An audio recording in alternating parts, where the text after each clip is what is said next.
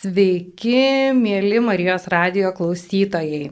Iš radio studijos sveikinamės mes, menotirinkė Jolanta Stupelytė ir žurnalistė Laisvė Radzevičianė. Iš tikrųjų, aš pati esu ištikima Marijos radio gerbėja ir man begaliniai malonu sėdėti čia radio studijoje ir kalbėtis apie Juozapo metus. Jolanta padarė neįtikėtinai didelį darbą. Jolanta surinko begalę, peržiūrėjo, surinko begalę meno kūrinių, kuriuose atvaizduotas Juozapas. Ir šiandien mes su Jolanta apie tai pakalbėsime. Bet pirmiausia, iš tikrųjų, aš norėčiau paprašyti, kad Jolanta primintų mums, kodėl šie metai buvo skirti Juozapui, kokios svarbos šie metai yra mums visiems. Sveiki, mėly radio klausytojai. Pernai metais iš tikrųjų daugam buvo netikėta, kaip popiežius Pranciškus nusprendė šiuos metus nuo gruodžio 8 iki gruodžio 8 paskelbti Juozapo metais. Tam jisai tarsi turėjo, na, minti tokį jubiliejų, mat prieš 150 metų popiežius Pijus IX Juozapą paskelbė visos bažnyčios globėjų. Tačiau manau, kad ne vien tai pats popiežius Pranciškus nepaprastai myli Juozapą, turi labai gilų intimų su juo santyki ir aš manau, kad jis visiems mums norėjo Juozapą duoti tokį kaip vedlį, kaip pavyzdį šiais neramiais laikais, kada tikrai daug klausimų kyla dėl tapatybės, dėl šeimos. Tai manau tikrai labai labai laikus paskelbė šitos metus. Ar tai reiškia, kad jeigu mes šiais metais tiek daug kalbėjome apie Juozapą, tai kitais metais mes apie jį nebeužsiminsime? Manau, šitie metai buvo skirti tam, kad kiekvienas, na, truputėlį kažkaip tą Juozapą prisijaukintų. Ir man pačiai Juozapas tikrai labai labai gyvas. Negalėčiau pasakyti, kad aš nuolatos apie jį galvoju, bet kiekvieną kartą, kai, na, kažkaip prisėdu, kada skaitau, kada, kada kažko apie jį ieškau, arba tiesiog, vat, kai melžiuosi, tai, nu, tiesiog jis man atsiranda kaip labai gyva tikra asmenybė. Ir manau, kad Juozapas yra labai geras palidovas ir geras toks ugdytojas ir auklėtojas. Ir labai viliuosi, kad tie žmonės, kurie šiais metais daugiau dėmesio jam skiria, tai ir toliau su juo gyvens. Jūs peržiūrėjo daugybę, daugybę meno kūrinių. Tai be abejo atitinka jūsų profesiją. Bet e, kaip jums kilo šita mintis ir kokį Juozapą jūs atradote tose meno kūriniuose? Kartais taip nutinka, kad manęs paprašo, kad parašyčiau apie vieną ar kitą paveikslą Magnifikat viršelių, na tai maždaug du kartus per metus. Ir apie Juozapą man teko rašyti jau tris kartus. Ir kiekvieną kartą, kai rašydavau apie Juozapą, tai, nu, tiesiog, kaip ir sakiau, jis man pasidarydavo toks kažkoks, nu, kaip šeimos narys, be galo artimas ir labai daug, nu, įvairiausių dalykų apie jį atrasdavau. Ir kai prasidėjo tie Juozapo metai, nu, mane apėmė toks labai didelis džiaugsmas ir man taip tiesiog atėjo tokia mintis, galvoju, kodėlgi nepasidomėjus daugiau, kodėlgi nesurinkus, nu, vat, visų tų paveikslų, tiesiog pažvelgti amžių eigoje, kaip keitėsi Juozapo vaizdavimas, kaip jisai atsiskleidžia Ir iš tikrųjų šitas sumanimas, tai jisai net nesitikėjau, kad mane taip toli nuves, nes Juozapo asmenybė man atsiskleidė labai įvairialypiai, labai, labai, taip, nu, labai spūdingai iš tikrųjų, labai daug pati sužinojau ir supratau apie Juozapą. Bet argi nekeista iš tikrųjų, kai mes tarsi žinome, kad Evangelijose Juozapas nekalba, Jis yra tylo žmogus, ar ne? Ir staiga e, jisai prabyla per per piešinius, per tapybą, per meną.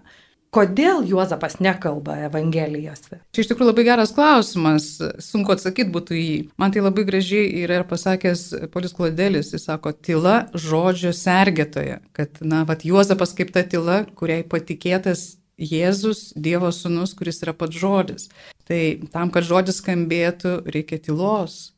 Ir kartais tam, kad, nu, vad, tas, kas yra labai labai svarbu, galėtų išsiskleisti ir būti, ir aukti, ir skleistis, kažkas turi būti gal truputį nuo šaly, kažkas turi būti tylesnis, kad sudarytų tą erdvę.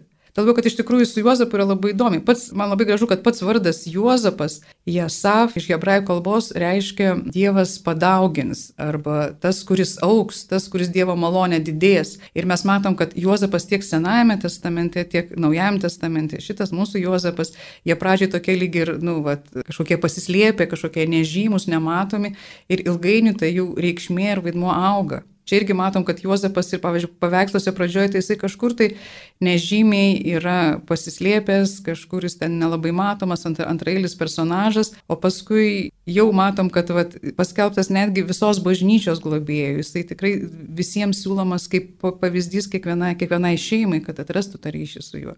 Jolanta, ar galit pasakyti, kaip siejasi Senojo testamento Juozapas ir Naujojo testamento Juozapas? Ar iš viso galima juos susijęti kažkaip? Be abejo, jie turbūt siejasi. Čia turbūt reikėtų labai daug kalbėti, nenorėčiau labai galbūt leistis į tos pokalbius. Be bejonės, kad ir teologai, bažnyčios tėvai labai dažnai matė tas paralelės ir tuos Juozapus susijėjo. Tuo labiau, kad ir tas Senojo testamento Juozapas toks sapnuotojas truputėlį, jisai sapnuoja sapnus, jisai aiškina sapnus.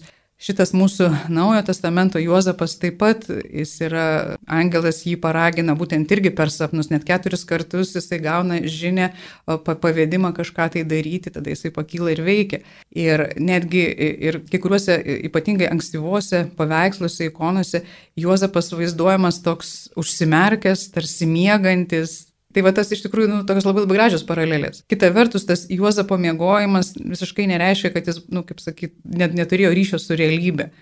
Galbūt atvirkščiai norėtų parodyti, kad Juozapas jis tarsi išoriškai miega, bet jo širdis būdi, nes kiekvieną kartą jisai atsiliepia tam angelo kvietimui ir jisai daro tai, tai, ką nu, Dievas jį prašo daryti. Jolanta, kai aš žiūrėjau tuos paveikslus, tas skaidrės, kuriuos e, esat surinkusi, tai, na, buvo tikrai įdomių paveikslų, kuriuose šalia Juozapo stovi ir piktasis. Ką tai reiškia? Kai kuriuose ankstyvose ikonose yra pavaizduota, kaip Jėzaus gimimo scenose sėdi Juozapas truputėlį tarsi nuošaliai, toks irgi susimastęs ir šalia priešais yra nu, toksai piemuo, kuris iš tikrųjų yra piktojo įsikūnymas. Ir pagal tam tikrus senovinius pasakojimus, apokrifinius pasakojimus, buvo toksai, na, parašymas, kad būtent piktasis jisai ateina ir jisai gundo Juozapą ir jam sako, kad, na, Marijos ta motinystė tikrai ne iš Dievo ir, žodžiu, ir tu negali apvaisinti ir tai yra taip tikra, kaip šita lasda negali pražysti. Ir tą pačią akimirką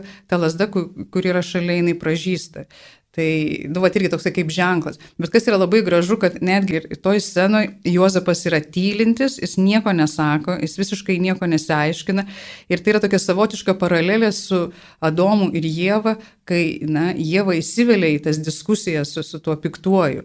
Tai čia, va, Juozapo tyla yra, na, kaip pergalės ženklas ir prieš piktai. Jisai nepasiduoda tom provokacijom, bet išlieka toj, va, tokioj tyloj klausimėsi. Ta žydinčios lasdos simbolis, na, jis taip pat labai įdomus. Ir, ir lasda kokiom gėlėm pražįsta, Jolanta. Kas yra vaizduojama tose paveiksluose? Gal prie tos lasdos mes gal truputėlį dar ir vėliau grįšim, nes šiuo atveju, kai tas piktasis gundo, tai yra tarp Ta prasme, kad ten yra tiesiog toksai kaip pražydęs krūmas, galima sakyti. Juozapas dažnai vaizduojamas su pražydusią lasdą, bet čia dar truputėlį turėtume prieš tai pakalbėti apie apie Juozapo ir Marijos išrinktumą, apie Juozapo išrinktumą kaip Marijos vyrą. Šventajame rašte, Evangelijose, na, apie tai labai mažai rašoma. Tiesiog buvo tik pasakyta, kad Marija buvo sužadėta su vyru Juozapu iš Dovido namų ir, ir nieko kažkaip labai daugiau neaiškinama. Tos pasakojimus praplėtė apokrifinės Evangelijos ir pasakojimai, kurie iš tikrųjų nu, daug detaliau nupasakoja, kaip viskas vyko. Kasgi tie apokrifiniai pasakojimai? Tai, tai yra tam tikri pasakojimai, kurie neįėjo iš šventojo rašto kanono. Jų tikrai buvo nemažai ir jie buvo labai labai populiarūs. Tai, tai reiškia, kad jie iš tikrųjų, na, teologų nebuvo pripažinti kaip, kaip pilnai Dievo įkvėpti. Tai buvo pasakojimai sudėti iš įvairiausių tradicinių pasakojimų, juose labai daug paralelių tarp Seno ir Naujojo testamento, įvairiausių tokių labai gražių išvalgų, bet jie nėra traktuojami kaip visiškai pilnai nu, Dievo įkvėpti ir, ir tai, kas ten rašoma, tai tik tai kai kurie dalykai ilgainiui buvo priimti, patvirtinti, bet kai kurie buvo iš tikrųjų ne, nepatvirtinti. Galiu klausti, kas užrašė tuos pasakojimus? Kadangi kaip ir daug kas tiesiog ilgą laiką egzistavo kaip tokia žodinė tradicija ir, ir buvo perdo, perdodama iš kartos į kartą, visai tiksliai mes, nu, apie visus autorius nežinom. Pavyzdžiui, yra tokia Jokūbo proto evangelija, kurioje labai daug pasakojama yra ir apie Marijos vaikystę, ir va, būtent šitas, kaip, kaip buvo Juozapas parinktas jai vyru, ir kiti pasakojimai. Tie pasakojimai kartais turi tam tikrus pavadinimus, galbūt jie šiek tiek yra susijęs su, su žmonėmis, kuriuos užrašė, panašiai kaip ir evangelistai, bet na, ne apie visus mes iš tikrųjų na, turim tikslę tą informaciją tokią. Iš tų pasakojimų iš tikrųjų labai įdomu yra tai, kad Juozapas Marijai buvo parinktas našlys ir turintis sūnų. Tai, nėra, tai yra iš tų pasakojimų atėjusi istorija. Evangelijose nieko nėra pasakyta apie Juozapo amžių ir iš tikrųjų tie kiti pasakojimai taip detaliau viską nusako. Ir būtent to Jokūbo proto Evangelijoje yra pasakojama, kai, kad Marija, jinai visai maža buvo atiduota į šventyklą, ten augo. Ir kai jau atėjo laikas jai tiekėti, tuomet vyriausiasis kunigas nusprendė, kad reikia sukviesti 12 vyrų, būtent našlių ir melstis ir, ir prašyti, kad būtų duotas kažkoks ženklas. Ir kai tie vyrai suėjo, jie kiekvienas atsinešė lasdą, tos lasdos buvo sudėtos ir buvo melžiamasi ir galiausiai iš Juozapo lasdos išskrido purplelis ir jisai tai buvo kaip ženklas, kad jisai būtent yra išrinktas Marijai būti vyru. Bet jisai atsikalbinėjo ir jisai sakė, aš jau senas, turiu sūnų, o jinai dar visai mergaitė. Marijai tuo metu buvo 14 metų. Tradicija sako, kad galbūt daug maž taip. Ir būtent šitas apokrifinis pasakojimas matyt ir lėmė, kad tikrai ankstyvoji bažnyčioje Juozapas dažnai ir būdavo vaizduojamas toksai kaip, kaip senyvo amžiaus, kartais netgi, pavyzdžiui, bėgimo į Egiptą scenose vaizduojamas ir jos sunus, kuris veda asilą ir panašiai. Tačiau ilgainiui tikrai buvo labai labai daug diskusijų apie Juozapo amžių ir, ir teologai, ir, ir mystikai vis tik pradėjo galvoti, kad nu, kažkas čia ne taip. Kodėl va, tas Juozapas turėtų būti būtinai senas, kodėl jaunai mergaitai, kuri, ta prasme, turi pagimdyti Dievo sūnų, kodėl negalėjo būti jaunas vyras pačiam jėgų žydėjime, kuris tikrai rūpintųsi, nu, būtų su jie ir, ir panašiai. Ar, argi Dievas negalėtų na, išrinkti tokio žmogaus, kuris būtų pajėgus būti su jie toj skaičioj meiliai ir, ir tikrai su, su, su, su pilnu rūpešiu ir meilė globoti ir ją, ir jos sūnų. Ir tai maždaug 15-16 amžiuje buvo toksai, 15 amžiuje buvo toksai teologas Jonas Gersonas, vėliau 17 amžiuje čia tokia, galima sakyti, tikrai rimta revoliucija įvyko Ispanijoje Ten buvo ir tokia mystikė Marija Greda, kuri savo regėjimuose matė, kad Juozapas yra maždaug 30 metų vyras ir paskui tą idėją palaikė ir, ir, ir kiti, ir teologai, ir, ir dailininkai. Ir paskui dailininkai iš tikrųjų po truputėlį pradėjo Juozapą vaizduoti būtent tokį jauną, energingą vyrą, kuris iš tikrųjų na, gali būti tikrųjų pilnaverčių vyrų sutoktinių Marijai ir, ir globoti Jėzų. Tai va, čia va, toks labai gražus pavyzdys, kaip, sakykime, ta e, mintis iš apokrifų ilgainiui per amžius jinai buvo kažkaip išgrininta ir buvo jos atsisakyta.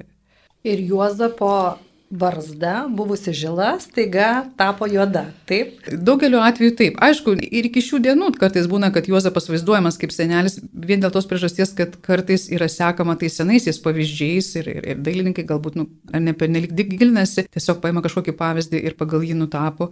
Bet iš tikrųjų vis daugiau yra tų atvaizdų, kur Juozapas vaizduojamas, na, vat, kaip jaunas toksai vyras. Tai iš tikrųjų, jūs klausėt apie tą Juozapo lasdą, tai Kai kuriuose apokrifuose yra pasakoma, kad būtent ta lasda yra pražydusi į, įvairiais žiedais, netgi kalbama apie migdolo žiedus ir panašiai. Ir dėl to Juozapas kartais vaizduojamas su lasda, kuri yra pražydusi būtent migdolo žiedais, kartais vaizduojamas su nardo žiedais. Ir labai įdomu, kad būtent ta tradicija vaizduoti su nardo žiedais yra labiau paplitusi ispaniškai kalbančiose kraštuose. Ir e, popiežius Pranciškus netgi į savo herbą yra įsidėjęs ne tik žvaigždę, kuri simbolizuoja mergelę Mariją, bet ir nardo šakelę, kuri simbolizuoja būtent Juozapą. Nes, kaip sakiau, jam tas Juozapas tikrai yra be galo artimas ir be galo brangus. O ta pražydusi Juozapo lasda, būtent su migdolo žiedais, turi labai daug gražių simbolinių prasmių. Mat, yra tokia graži paralelė su Senojo testamento pasakojimu, kaip irgi na, buvo renkamas aukščiausiasis kunigas, labai panašiai buvo kviečiama iš 12 giminių vyrai, jie turėjo atnešti savo lasdas ir būtent Raono lasda iš Levio giminės jinai pražydo su, su migdolo žiedais. Tai va šiuo atveju Juozapas ir yra suvokiamas kaip tas aukščiausiasis kunigas, kaip, kaip, kaip, kaip na, tas, kuris, kaip sakyt, kuriam yra patikėta, būtent patikėta bažnyčia. Ir migdolo žiedai, labai gražu, kad migdolas yra tas, tas medis, tas krūmas, kuris pats pirmasis pavasarį pražįsta. Ir todėl jis kartais yra vadinamas budriuoju medžiu. Aš kaip jau sakiau apie Juozapą, kad jis toks tarsi sapnuotojas, bet tuo pat metu turintis labai budrę širdį. Saugančią. Taip, tuo labiau, kad ir pats, taip, ir hebrajiškai žodis šaket, šakat yra susijęs su žodžiu saugoti, globoti. O būtent Juozapui buvo paskirta globoti ir saugoti Mariją ir Jėzų. Daug kalbama yra apie Juozapo tėvystę ir mes prieš tai abi kalbėjome apie tai, kad Juozapas iš tikrųjų labai tiktų šio laikiniams laikams, dėl to, kad jis buvo labai geras tėtis. Ir e, dailėje ypatingai daug yra atvaizdų, ar ne, kur Juozapas vysto kūdikį, čiučiuoja jį, maudo. Ką tai reiškia? Ar tai, ar, ar tai pabrėžia Juozapo tėvystę? Man pačiai buvo labai netikėta atrasti tuos atvaizdus, kuriuose būtent Juozapas taip ir vaizduojamas, kaip tikras tėtis, kaip sakiau, jau galėtų šiais laikais, tai jau galėtų, kaip sakyti, tėvystės atostogų eiti, nes jisai ir, ir košės verda, ir vystiklus džiovina, ne, ir vandenį ten tikrina, kad būtų vaikutis iš, išpraustas ir panašiai. Kas įdomiausia, kad šitie paveikslai, jie yra maždaug iš 15-16 amžiaus ir vėlesnių laikų. Iki tol aš jų nelabai tokių buvau mačius. Negalėčiau pasakyti, kad jie labai populiarūs, jų gal nėra labai daug, bet tai, kad jie buvo iš tikrųjų kalba apie tai, kad nu, apie Juozapo tėvystę buvo daug mąstoma. Apie Juozapo tėvystę kalbėjo jau trečiam amžiui Augustinas, kai kalba ėjo apie tai, ar, nu, ar tikrai Juozapas, kaip sakyti, ar, ar jisai tikrai tėvas, ar, ar netikrai tėvas.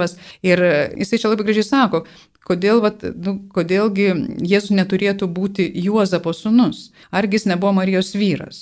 Ir raštas remdamasis autoritetu tvirtina, kad jis buvo jos vyras. Nebijok, sakė, parsivesti į namus savo žmonos Marijos nes jos vaisius yra iš šventosios dvasios. Netgi jam buvo liepta duoti vardą vaikeliui. Iš tikrųjų, vardą vaikui galėjo duoti tik tai tėvas. Ir čia toksai va tos tėvystės patvirtinimas. Be abejonės, kad, kad buvo aiškiai suvokiama, kad jis nėra fizinis tėvas, bet pagal žydų tradiciją netgi va toks yra tėvystė pagal įstatymą. Tai tas, ta prasme, tai yra visiškai pilna e, tėvystė, jinai niekiek nemenkesnė už tą tėvystę, tokia biologinė tėvystė. Tuo labiau, kad yra labai graži tokia tradicija, kuri sako, kad pats Juozapas, na, jisai turėjęs tarsi du tėvus. Kaip taip galėjo nutikti? Ir Evangelijose skirtingai yra aprašoma.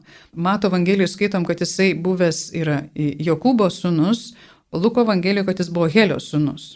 Ir, nu, kaip tradicija byloja, kad mirus Jokūbui, jo brolis Helis vedė Jokūbo žmoną ir tokiu būdu gimė Juozapas. Bet ir Jokūbas buvo laikomas Juozapo tėvu pagal įstatymą. Tiesiog buvo tokios tradicijos. Ir, ir ta tėvystė, žodžiu, viena pagal įstatymą, kita iš tikrųjų jos buvo visiškai lygiavertės. Tai dėl tos priežasties, tava, tikrai labai dažnai buvo grįžtama prie tos minties, kad Juozapas tikrai nebuvo kažkoks patėvis, ne, kuris, kuris čia taip nutarsi atmestinai jam čia primetė, kažkoks vaikelis, čia, čia jisai turi rūpintis nieko panašaus, kad jis visą savo esybę, visą širdimi tikrai viską atidavė dėl Jėzaus, kad jį augintų, auklėtų kaip visiškai tikras tėvas. Ir paskui prie šito tų minčių buvo tikrai nekarta grįžtama ir, ir popiežius Jonas Paulius II jis irgi na, tikrai pabrėžė tą ir, ir jisai sakė, kad tikrai turėtume aiškiai suvokti tą tikrą Juozapo tėvystę. Dėkoju, kad liekate su mumis, mėly radio klausytojai.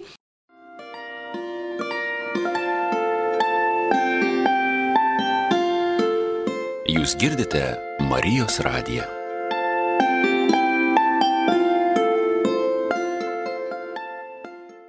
Noriu priminti, kad prie mikrofono šiandien čia su jumis yra menotirinkė Jolanta Stupelytė ir aš žurnalistė Laisvė Radzevičiane. Mes kalbamės apie Juozapo atvaizdus mene. Jolanta, mes baigėme tuo, kad Juozapas tarsi turėjo du tėvus. Ar galima išvesti paralelės, kad Jėzus taip pat turėjo du tėvus? Nu taip, be abejonės, nes jis yra Dievo sūnus, bet taip pat ir Juozapo sūnus. Ir lygiai taip pat ir mes turim du tėvus, nes mes visi irgi turim tą dangišką tėvą ir turim savo tėvą. Tai va šitos labai labai gražios paralelės, jisai mums Juozapą be galo priartina ir žvelgiant šitaip, tai tikrai Juozapas yra tas, kuris visiškai tikrai tobulai gali būti pavyzdžių kiekvienai šeimai. Turbūt Daug kur Juozapas yra pristatomas kaip dailidė, ar ne? Kaip e, gal labiau statytojas, ar žmogus mėgstantis daug dirbti, ar ne? Ką tai reiškia Jėzui matyti dirbantį tėvą? Taip, kadangi mes nu, labiau linkę galbūt vartoti tą žodį dailydė, bet ir pagal tų laikų situaciją ir, ir tas graikiškas žodis tektonis, jis daugiau kalba apie taip, apie tokį statybininką, statytoją, kuris gali dirbti ne tik su medžiu, kurio ten matyti netiek daug buvo, bet ir su akmeniu, statyti namus, tai tiesiog tokio platesnio profilio. Ir mes turim nemažai paveikslų, kur na, pavaizduotas Juozapas yra su Jėzum, Jėzus mokosi dirbti, Jėzus yra šalia, bet yra kai kurie paveikslai labai labai gražus, kur matom dirbantį Juozapą nušviestą tokios tikrai ypatingos šviesos ir Jėzaus žvilgsnį va, tokį pakeliantį, įprasminantį ir jo darbą, ir jo buvimą, ir, ir liūdėjantį apie tai, kad vis tiek visą laiką pirmiausia yra santykis, visą laiką pirmiausia yra va, tas buvimas kartu, ne su kitu, ir po to, aišku, iš to kylantis visi darbai, kurie tikrai svarbus ir, ir, ir, ir ugdantis, ir padedantis. Ką apskritai tuose paveiksluose, na, ar galima išvelgti kažkokias būties detalės, taip kaip, kaip jie gyveno, ar, ar atspindi tie paveikslai tuometinę būti, šventosios šeimos būti. Labai įdomu, iš tikrųjų skirtingai yra. Yra kai kurie, kai kurie paveikslai, kur tarsi bandė šiek tiek na, įsigilinti į tą tų laikų situaciją ir kažkiek atkartoti tas būtinės detalės. Bet buvo dailininkų, kurie kaip tik na, bandė tarsi sudabartinti tą Jėzaus gimimo, augimo gyvenimą ir, ir, ir pavyzdžiui, sakykime, yra negi paveikslai, kur dirbtuvėliai yra kaip būtent to dailininko laikmečio dirbtuvėlė, netgi tie žmonės, kurie ten pavaizduoti, jie, jie turi bruožus būtent tų tenais tuo laiku gyvenusių žmonių ir panašiai. Tai toks sudabartinimas, sušiuolaikinimas, jis irgi buvo, buvo būdingas, sakyčiau, galbūt netgi, nu, pradedant nuo kokių baroko laikų, kada nebuvo stengiamasi tiksliai atkartoti to Jeruzalės, Izraelio to, to laiko, žodžiu, kai, kai gyveno Marija su Juozapu Nazarete ar, ar kažkur kitur, bet va, tiesiog perkelta iš, iš šias mūsų dienas. Kai kuriuose paveiksluose yra toks keistas daiktas, pavaizduotas ir jūs, kai mes žiūrėjome tos paveikslėlius, jūs man sakėte, na, atspėkit, kas tai yra. Ir tikrai, e, na, būtų labai sunku atspėti, kad daugelį paveikslų yra pavaizduoti pelėkautai. Taip? Mediniai pelėkautai. Taip, čia toks pat yra labai įdomus paveikslas Lorenzo Loto, nutapytas XVI amžiaus vidury, kur pavaizduota Marija su Juozapu ir Jėzus gulintis, na, galima sakyti, beveik, nu, tokiam kaip krepšelį, kuris yra padengtas staltėse, kaip ant eucharistinio stalo. Ir, ir kamputį yra būtent peliekautai kurių iš karto net nesuprasi, kas tai, kas tai yra. Ir man buvo labai įdomu, kai aš ir kai kuriuose kitose paveiksluose tą aptikau ir po to radau labai gražų paaiškinimą, kad tie piliekautai ten atsiranda ne šiaip savo, jie iš tikrųjų yra susiję su Švento Augustino mintimi, kai jis sako, kad velnės džiaugiasi, kai mirė Kristus, tačiau dėl Kristaus mirties velnės buvo nugalėtas tarsi jis būtų prarijęs masalą pelių spastuose. Viešpaties kryžiaus buvo velniaus pastai. Jaukas, kuriuo jis buvo pagautas, buvo viešpaties mirtis. Tai vat, paties Augustino ta tokia paralelė graži, ta, tas palyginimas, jisai persikėlė ir paveikslus. Ir iš tikrųjų, žiūrėdama į paveikslus, nagrinėdama, pati savo tokį padariau atradimą, kad Nors man anksčiau atrodė, kad kai kurie paveikslai, pavyzdžiui, tai yra, nu, tiesiog iš, dėl dailininko fantazijų kylantis kažkokie objektai ar, ar detalės, ilgainiui paaiškėjo, kad vis tik dažniausiai tam tikri siužetai yra paimti arba iš švento rašto, arba iš apokrifinių pasakojimų, arba iš teologinių svarstymų, arba iš mistikų rėgėjimų. Patys dailininkai, jie tikrai nuo savęs galbūt netiek daug pridėdavo. Aišku, buvo ir tokių, kurie turėjo tam, tam tikras intuicijas, tam tikras išvalgas bet, bet daugeliu atveju mes galime rasti paaiškinimus, kodėl taip ar kitaip yra vaizduojama. Ir kas man dar labai gražu, pavyzdžiui, netgi yra kai kurie paveikslai, kuriuose pavaizduotos tikrai, nu, visiškai būtinė, atrodytų būtinės scenos, bet jos kartu yra labai labai simbolinės. Pavyzdžiui, yra atvaizdai, kur Juozapas vaizduojamas su Jėzumi. Juozapas vienas arba dviese su Jėzumi pradėta vaizduoti labai vėlai, nu, irgi nuo kokio 16-17 amžiaus. Iki to laiko tik tai, nu, tose bendrose scenose jisai būdavo. Ir pavyzdžiui, yra paveikslas, sakykime, kur Pavaizduota, kaip Jėzus laiko įrankių krepšelį ir tarsi atrodytų visiškai paprastas dalykas, tai yra, nu, Juozapo įrankiai susijęs su... Dailidės įrankiai. Taip, su jo darbais. Ir iš tikrųjų ne visai taip, nes mes ten matom, kad būtent tai yra tie įrankiai, kurie paskui taps Jėzaus kančios, tais įrankiais, kuris tai bus kalamas prie kryžiaus. Ir va taip tarsi va tokiam ne visai tiesiogiam detaliam, kad jis labai yra daug nuorodų į tą būsimą Jėzaus kančią. Arba, pavyzdžiui, va irgi yra kitas paveikslas, kur ir Jėzus tiesia ranką prie vaisių pintinėlės, o ten yra ir vynogės, ir granatai. Vėlgi tie, tie vaisiai, kurie simbolinė prasme kalba apie Jėzaus kančią, apie Jėzaus mirtį ir prisikėlimą. Ir netgi Jėzaus gimimo scenose mes turim tikrai labai daug tokių va, detalių, kur arba, pavyzdžiui, kažkokios raudonos aguonos atsiranda, arba netgi kryžius atsiranda, kur tikrai labai keista, kad, kad galėtų būti ne Jėzaus gimimo scena. Arba vėl kažkokios tokios, kaip sakyt, labai nežymės nuorodos, kurios aiškiai nurodo į tai, kad Jėzus gimė tam, kad išvaduotų visus žmonės. Tuose paveiksluose, kiek, kiek mes žiūrėjome, na iš tikrųjų mirtis ir gyvenimas, gimimas yra labai arti, ar ne? Ir kai kuriuose netgi Jėzus e, vaizduojamas, kūdikėlis Jėzus vaizduojamas suviniotas į laidojimo maršką e, arba olos tamsoje. Taip, pavyzdžiui, kartais netgi, sakykime, ten, ten, kuris yra paguldytas, visai neprimena ėdžių, tai yra tarsi tarsi būtų toks vat, kaip karstelis, kuriame jisai guli ir tai irgi yra ta nuoroda į, į, jo, į jo būsimą palaidojimą. Ir jisai yra suviniotis tais apraišalais panašiai kaip na, anksčiau būdavo irgi laidojami uh, mirusieji. Tai vat, yra tokios nuorodos, kurios nėra visai tiesioginės, tai tikrai labai įsižiūrėjus gali kažkaip tai suprasti, kaip, kaip yra tiesiamos tos paralelės. Kaip aš ir sakiau, jums iš tikrųjų po to, kai aš pamačiau tas skaidrės, kurias jūs man rodėte, na, religiniai paveikslai, kai kurie atsiskleidžia visai kita šviesa, nes turbūt žiūrėdamas į du purplelius, greičiausiai pagalvotum, kad tiesiog šiaip gražus paukšteliai sėdi paveiksle ir tiek, bet iš tikrųjų kiekvienas e, toks pavaizdavimas turi savo reikšmę. Taip, dažniausiai tie du purpleliai yra vaizduojami e, Jėzaus paukojimo šventykloje, tose scenose, kada e, Juozapas tam, kad galėtų tarsi išpirkti iš Dievo savo pirmagimį sūnų, pagal tų laikų tradiciją jis atneša du purplelius. Bet kartais mes matom tos du purplelius visai kitoj scenoje, kuri būtent tie purpleliai yra nuoroda apie tą būsimą Jėzaus paukojimą. Ir iš tikrųjų, pavyzdžiui, dar vienas man labai labai gražus yra paveikslas, jisai irgi iš 15 amžiaus, kur yra pavaizduota, kaip Marija pagimdžius yra Jėzų Ir Juozapas sėdi šalia, jisai nusimovė savo koinės ir jis tas koinės karpo dėl to, kad jisai daro vis tiklėlius Jėzui. Tokia tarsi beveik tokia komiška ta scena, bet tuo pat metu iš tikrųjų irgi buvo bandoma pabrėžti, kad Jėzus buvo tikras žmogus. Jisai nebuvo kažkoks tas dieviškas kūdikis, kuriam visiškai nereikėtų nei valgyti, nei, nei vystyti, kad jis buvo tikras Dievas, bet ir tikras žmogus. Ir ta žmogystė pabrėžiama būtent, nu, vat, tokiais, tokiais labai įdomiais būdais. Dar priminkime, kad turbūt tame pačiame paveiksle Marija sėdi lovoje ir skaito knygą. Čia kitas buvo paveikslas. Jo, kitas paveikslas, kur jinai, greičiau sakyčiau, meldžiasi, o Juozapas paėmęs kudikėlį, jį ten čiučiuoja, linguoja.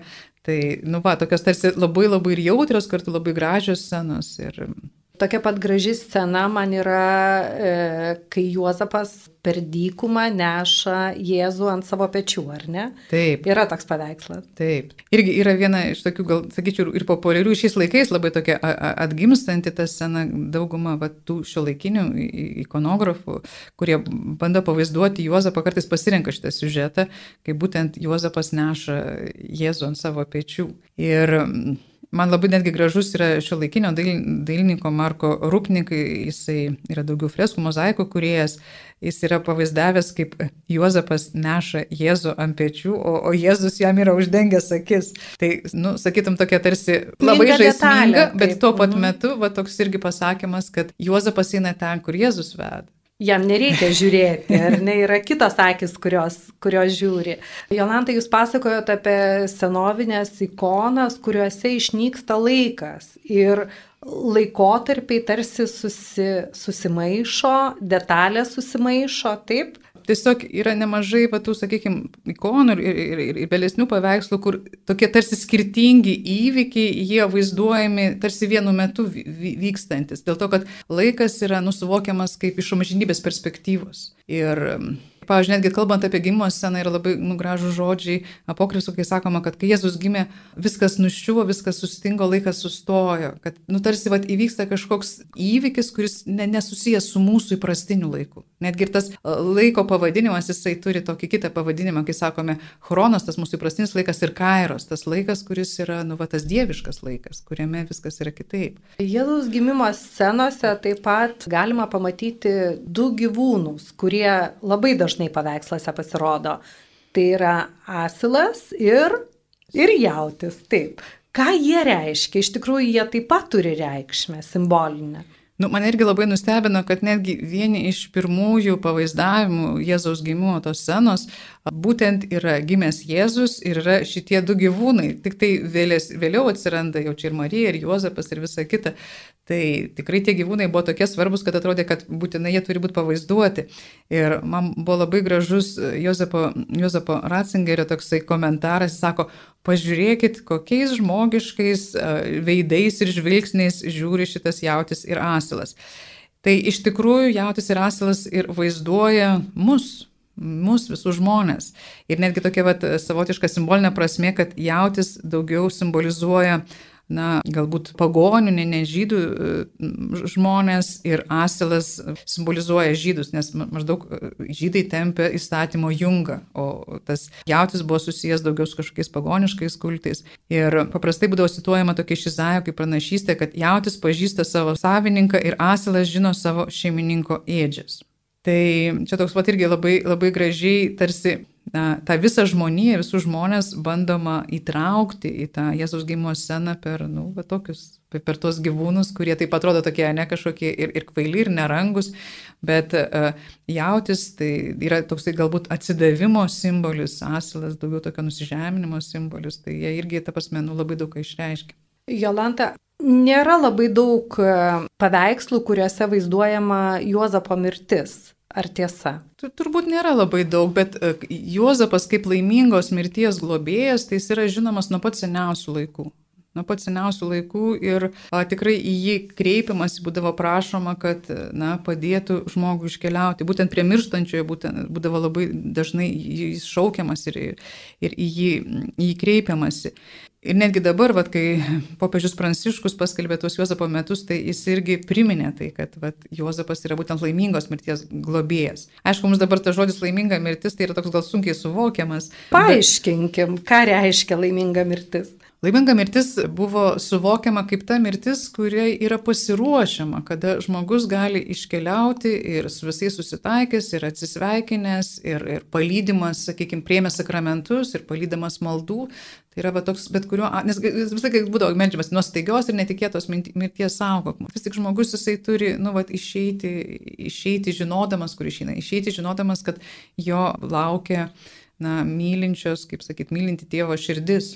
Ir irgi yra tokia graži apokrifinė evangelija, dalydės Juozapo istorija, kur labai daug rašoma būtent apie Juozapo mirtį. Ten tikrai, nu taip labai, labai, sakyčiau, poetiškai aprašoma tai jo mirtis. Čia vad yra tarsi pats Jėzus pasakotų. Komet jis atidavė savo dvasę, aš apkabinau jį. Jo sielą paėmė angelai ir suviniojo į rinktinį šilką. Komet įėjau vidun, atsisėdau šalia jo ir niekas iš ten esančių nesuprato, kad jis mirė. Aš liepiau Mykol ir Gabrieliui sergėti jo sielą nuo būtybių pasitaikiančių kelyje. Angelai gėdojo, kol pasiekė mano gerąjį tėvą. Tai galima sakyti, kad Jėzus priemė kaip mylimą tėvą ten danguje. Nes išlydėjo, pirmiausia, pirmiausia, išlydėjo, pirmiausia, kaip sakyt, Jozapo situacija kitokia negu mūsų, nes jį išlydi Marija ir Jėzus, ne, o, Jozapas dar turi sulaukti jų. Mes jau žinom, kad mus pasitinka Mūsų išlydi mūsų artimiausi galbūt žmonės, bet mus pasitinka ten Jėzus Marija, Juozapas ir, ir visi šventieji. Jolanta, dar užsiminėt apie popiežių Pranciškų, kuris labai myli Juozapą, ar ne? Ir jisai savo, savo namuose turi statulėlę tokia ypatinga. Mėgantis, gulintis Juozapas. Taip, pasirodo, kad iš tikrųjų tuose kraštuose, nu, va, ir Kolumbijoje, Filipinuose, ir, ir labai labai yra paplitusi tokia mėgančio Juozapo skulptūrėlė. Ir, ir pats popiežius jisai, nu, labai labai brangina. Ir jisai sako, kai aš turiu kokį rūpestį ar kokią problemą, tai tada aš viską surašau, rašau tokius laiškus Juozapui savo maldą, savo intencijas, jis sako, surašau ir pakišu po tą skulptūrėlę ir tada galiu eiti uh, ramiai miegoti, o tegul Juozapas ten savo sapnuoja. Bet sako, paskui tada aš sako, atsikeliu ir žinau, kad aš turiu eiti ir veikti ir, ir daryti tai, ką turiu daryti. Tai čia iš tikrųjų toks nu, labai gražus dalykas. Aš manau, kad viena vertus yra toks labai psichologinis, bet kita vertus ir dvasinis, nes psichologiškai iš tikrųjų labai labai sunku, kai mes turim daug, daug visokiausių dalykų, daug rūpeščių, tad kitą kartą net mėgoti neįmanoma. Tai aš manau, kad popiežius Pranciškus jis tiesiog saugodamas savais labai išmintingai elgėsi, kad tiesiog visas tas sunkes, slegiančias mintis, visus rūpeščius jisai patikė Juozapui, o paskui tiesiog melsdamas jis ieško išminties, kaip turėtų spręsti, kaip turėtų elgtis, ką turėtų daryti. Ir čia va ta Juozapo pagalba, aš manau, tikrai labai ypatinga yra. Tai galima sakyti, kad Juozapas yra tas, kuris galėtų pasimti mūsų kasdienius rūpeščius. Tos paprastus tokius kasdienius rūpeščius. Taip, pasiimti, apšviesti tą dievišką šviesą ir vėl mums gražinti, kad mes juos darytume, na, vad būtent su tokiu truputėlį dieviško dangaus žvilgsniu, su tą dieviško, nežinau, malonę, kuri nusileidžia. Tai labai dėkoju Jolanta už nuostabų pasakojimą. Tikrai kupina atradimų ir aš labai tikiuosi, kad mūsų klausytojai, na, žiūrėdami į šventuosius paveikslus, tikrai pastebės kažką tokio, ko jie ne neįtarė juose esant. Galbūt Jolanta yra kažkoks jūsų pačios atradimas kai jūs ruošiat šitą medžiagą ir gal jūs kažką atradot savo, kažką supratot, sužinojot. Na, tų atradimų tai buvo labai labai daug, nes aš pati negalvojau, kad tas menas yra toksai turtingas, kad tiek, tiek daug mums apie Juozapą gali pasakyti. Ir būtent va, tas žvilgsnis tarsi iš paukščio skrydžio per visą istoriją labai labai pamokė, kad nu, tiesiog ir, ir bažnyčia nestovi vietai, jinai, jinai ieško, klausosi, yra naujos išvalgos, yra nauji atradimai ir kad nu, va, kartu gali su, su tuo irgi kažkaip tai aukti, bręsti, eiti. Tai man tas tikrai labai labai stipru yra. Ir aišku, labai gaila, kad tapsme, tai, kas nu, vat, turėjo būti vizualu, ne, tai ką buvo galima pamatyti, reikia papasakoti ir tiesiog yra labai sunku tą padaryti vien tik tai žodžiais. Aš labai džiaugiuosi, kad aš mačiau tuos, tuos paveikslus ir tikrai jie man gerokai daugiau kalba šiandien. Tai labai ačiū Jolanta, Ačiū už tai, kad buvot šiandien su mumis. Ačiū, mėly klausytojai, kad klausėte. Geriausi linkėjimai prieš ateinančias šventes. Ir labai tikiuosi galbūt iki kitų susitikimų. Aš irgi labai tikrai norėčiau palinkėti, kad Juozapas priartėtų prie jūsų, kad jūs atrastumėt ir tuos galbūt mėgiamus atvaizdus, paveikslus, kur, kur galima tikrai į Juozapą ir kreiptis, ir, ir atrasti tą jo šiltą, švelnų žvilgsnį, atrasti jo ir, ir globą, ir pagalbą, ir, ir kad jisai galėtų mus toliau vesti ir ugdyti. Tai likime su Juozapu. Tai šiandien su jumis, mėly klausytojai, kalbėjosi menoterininkė Jolantas Pelytė ir aš, žurnalistė Laisvė Radzevičiane.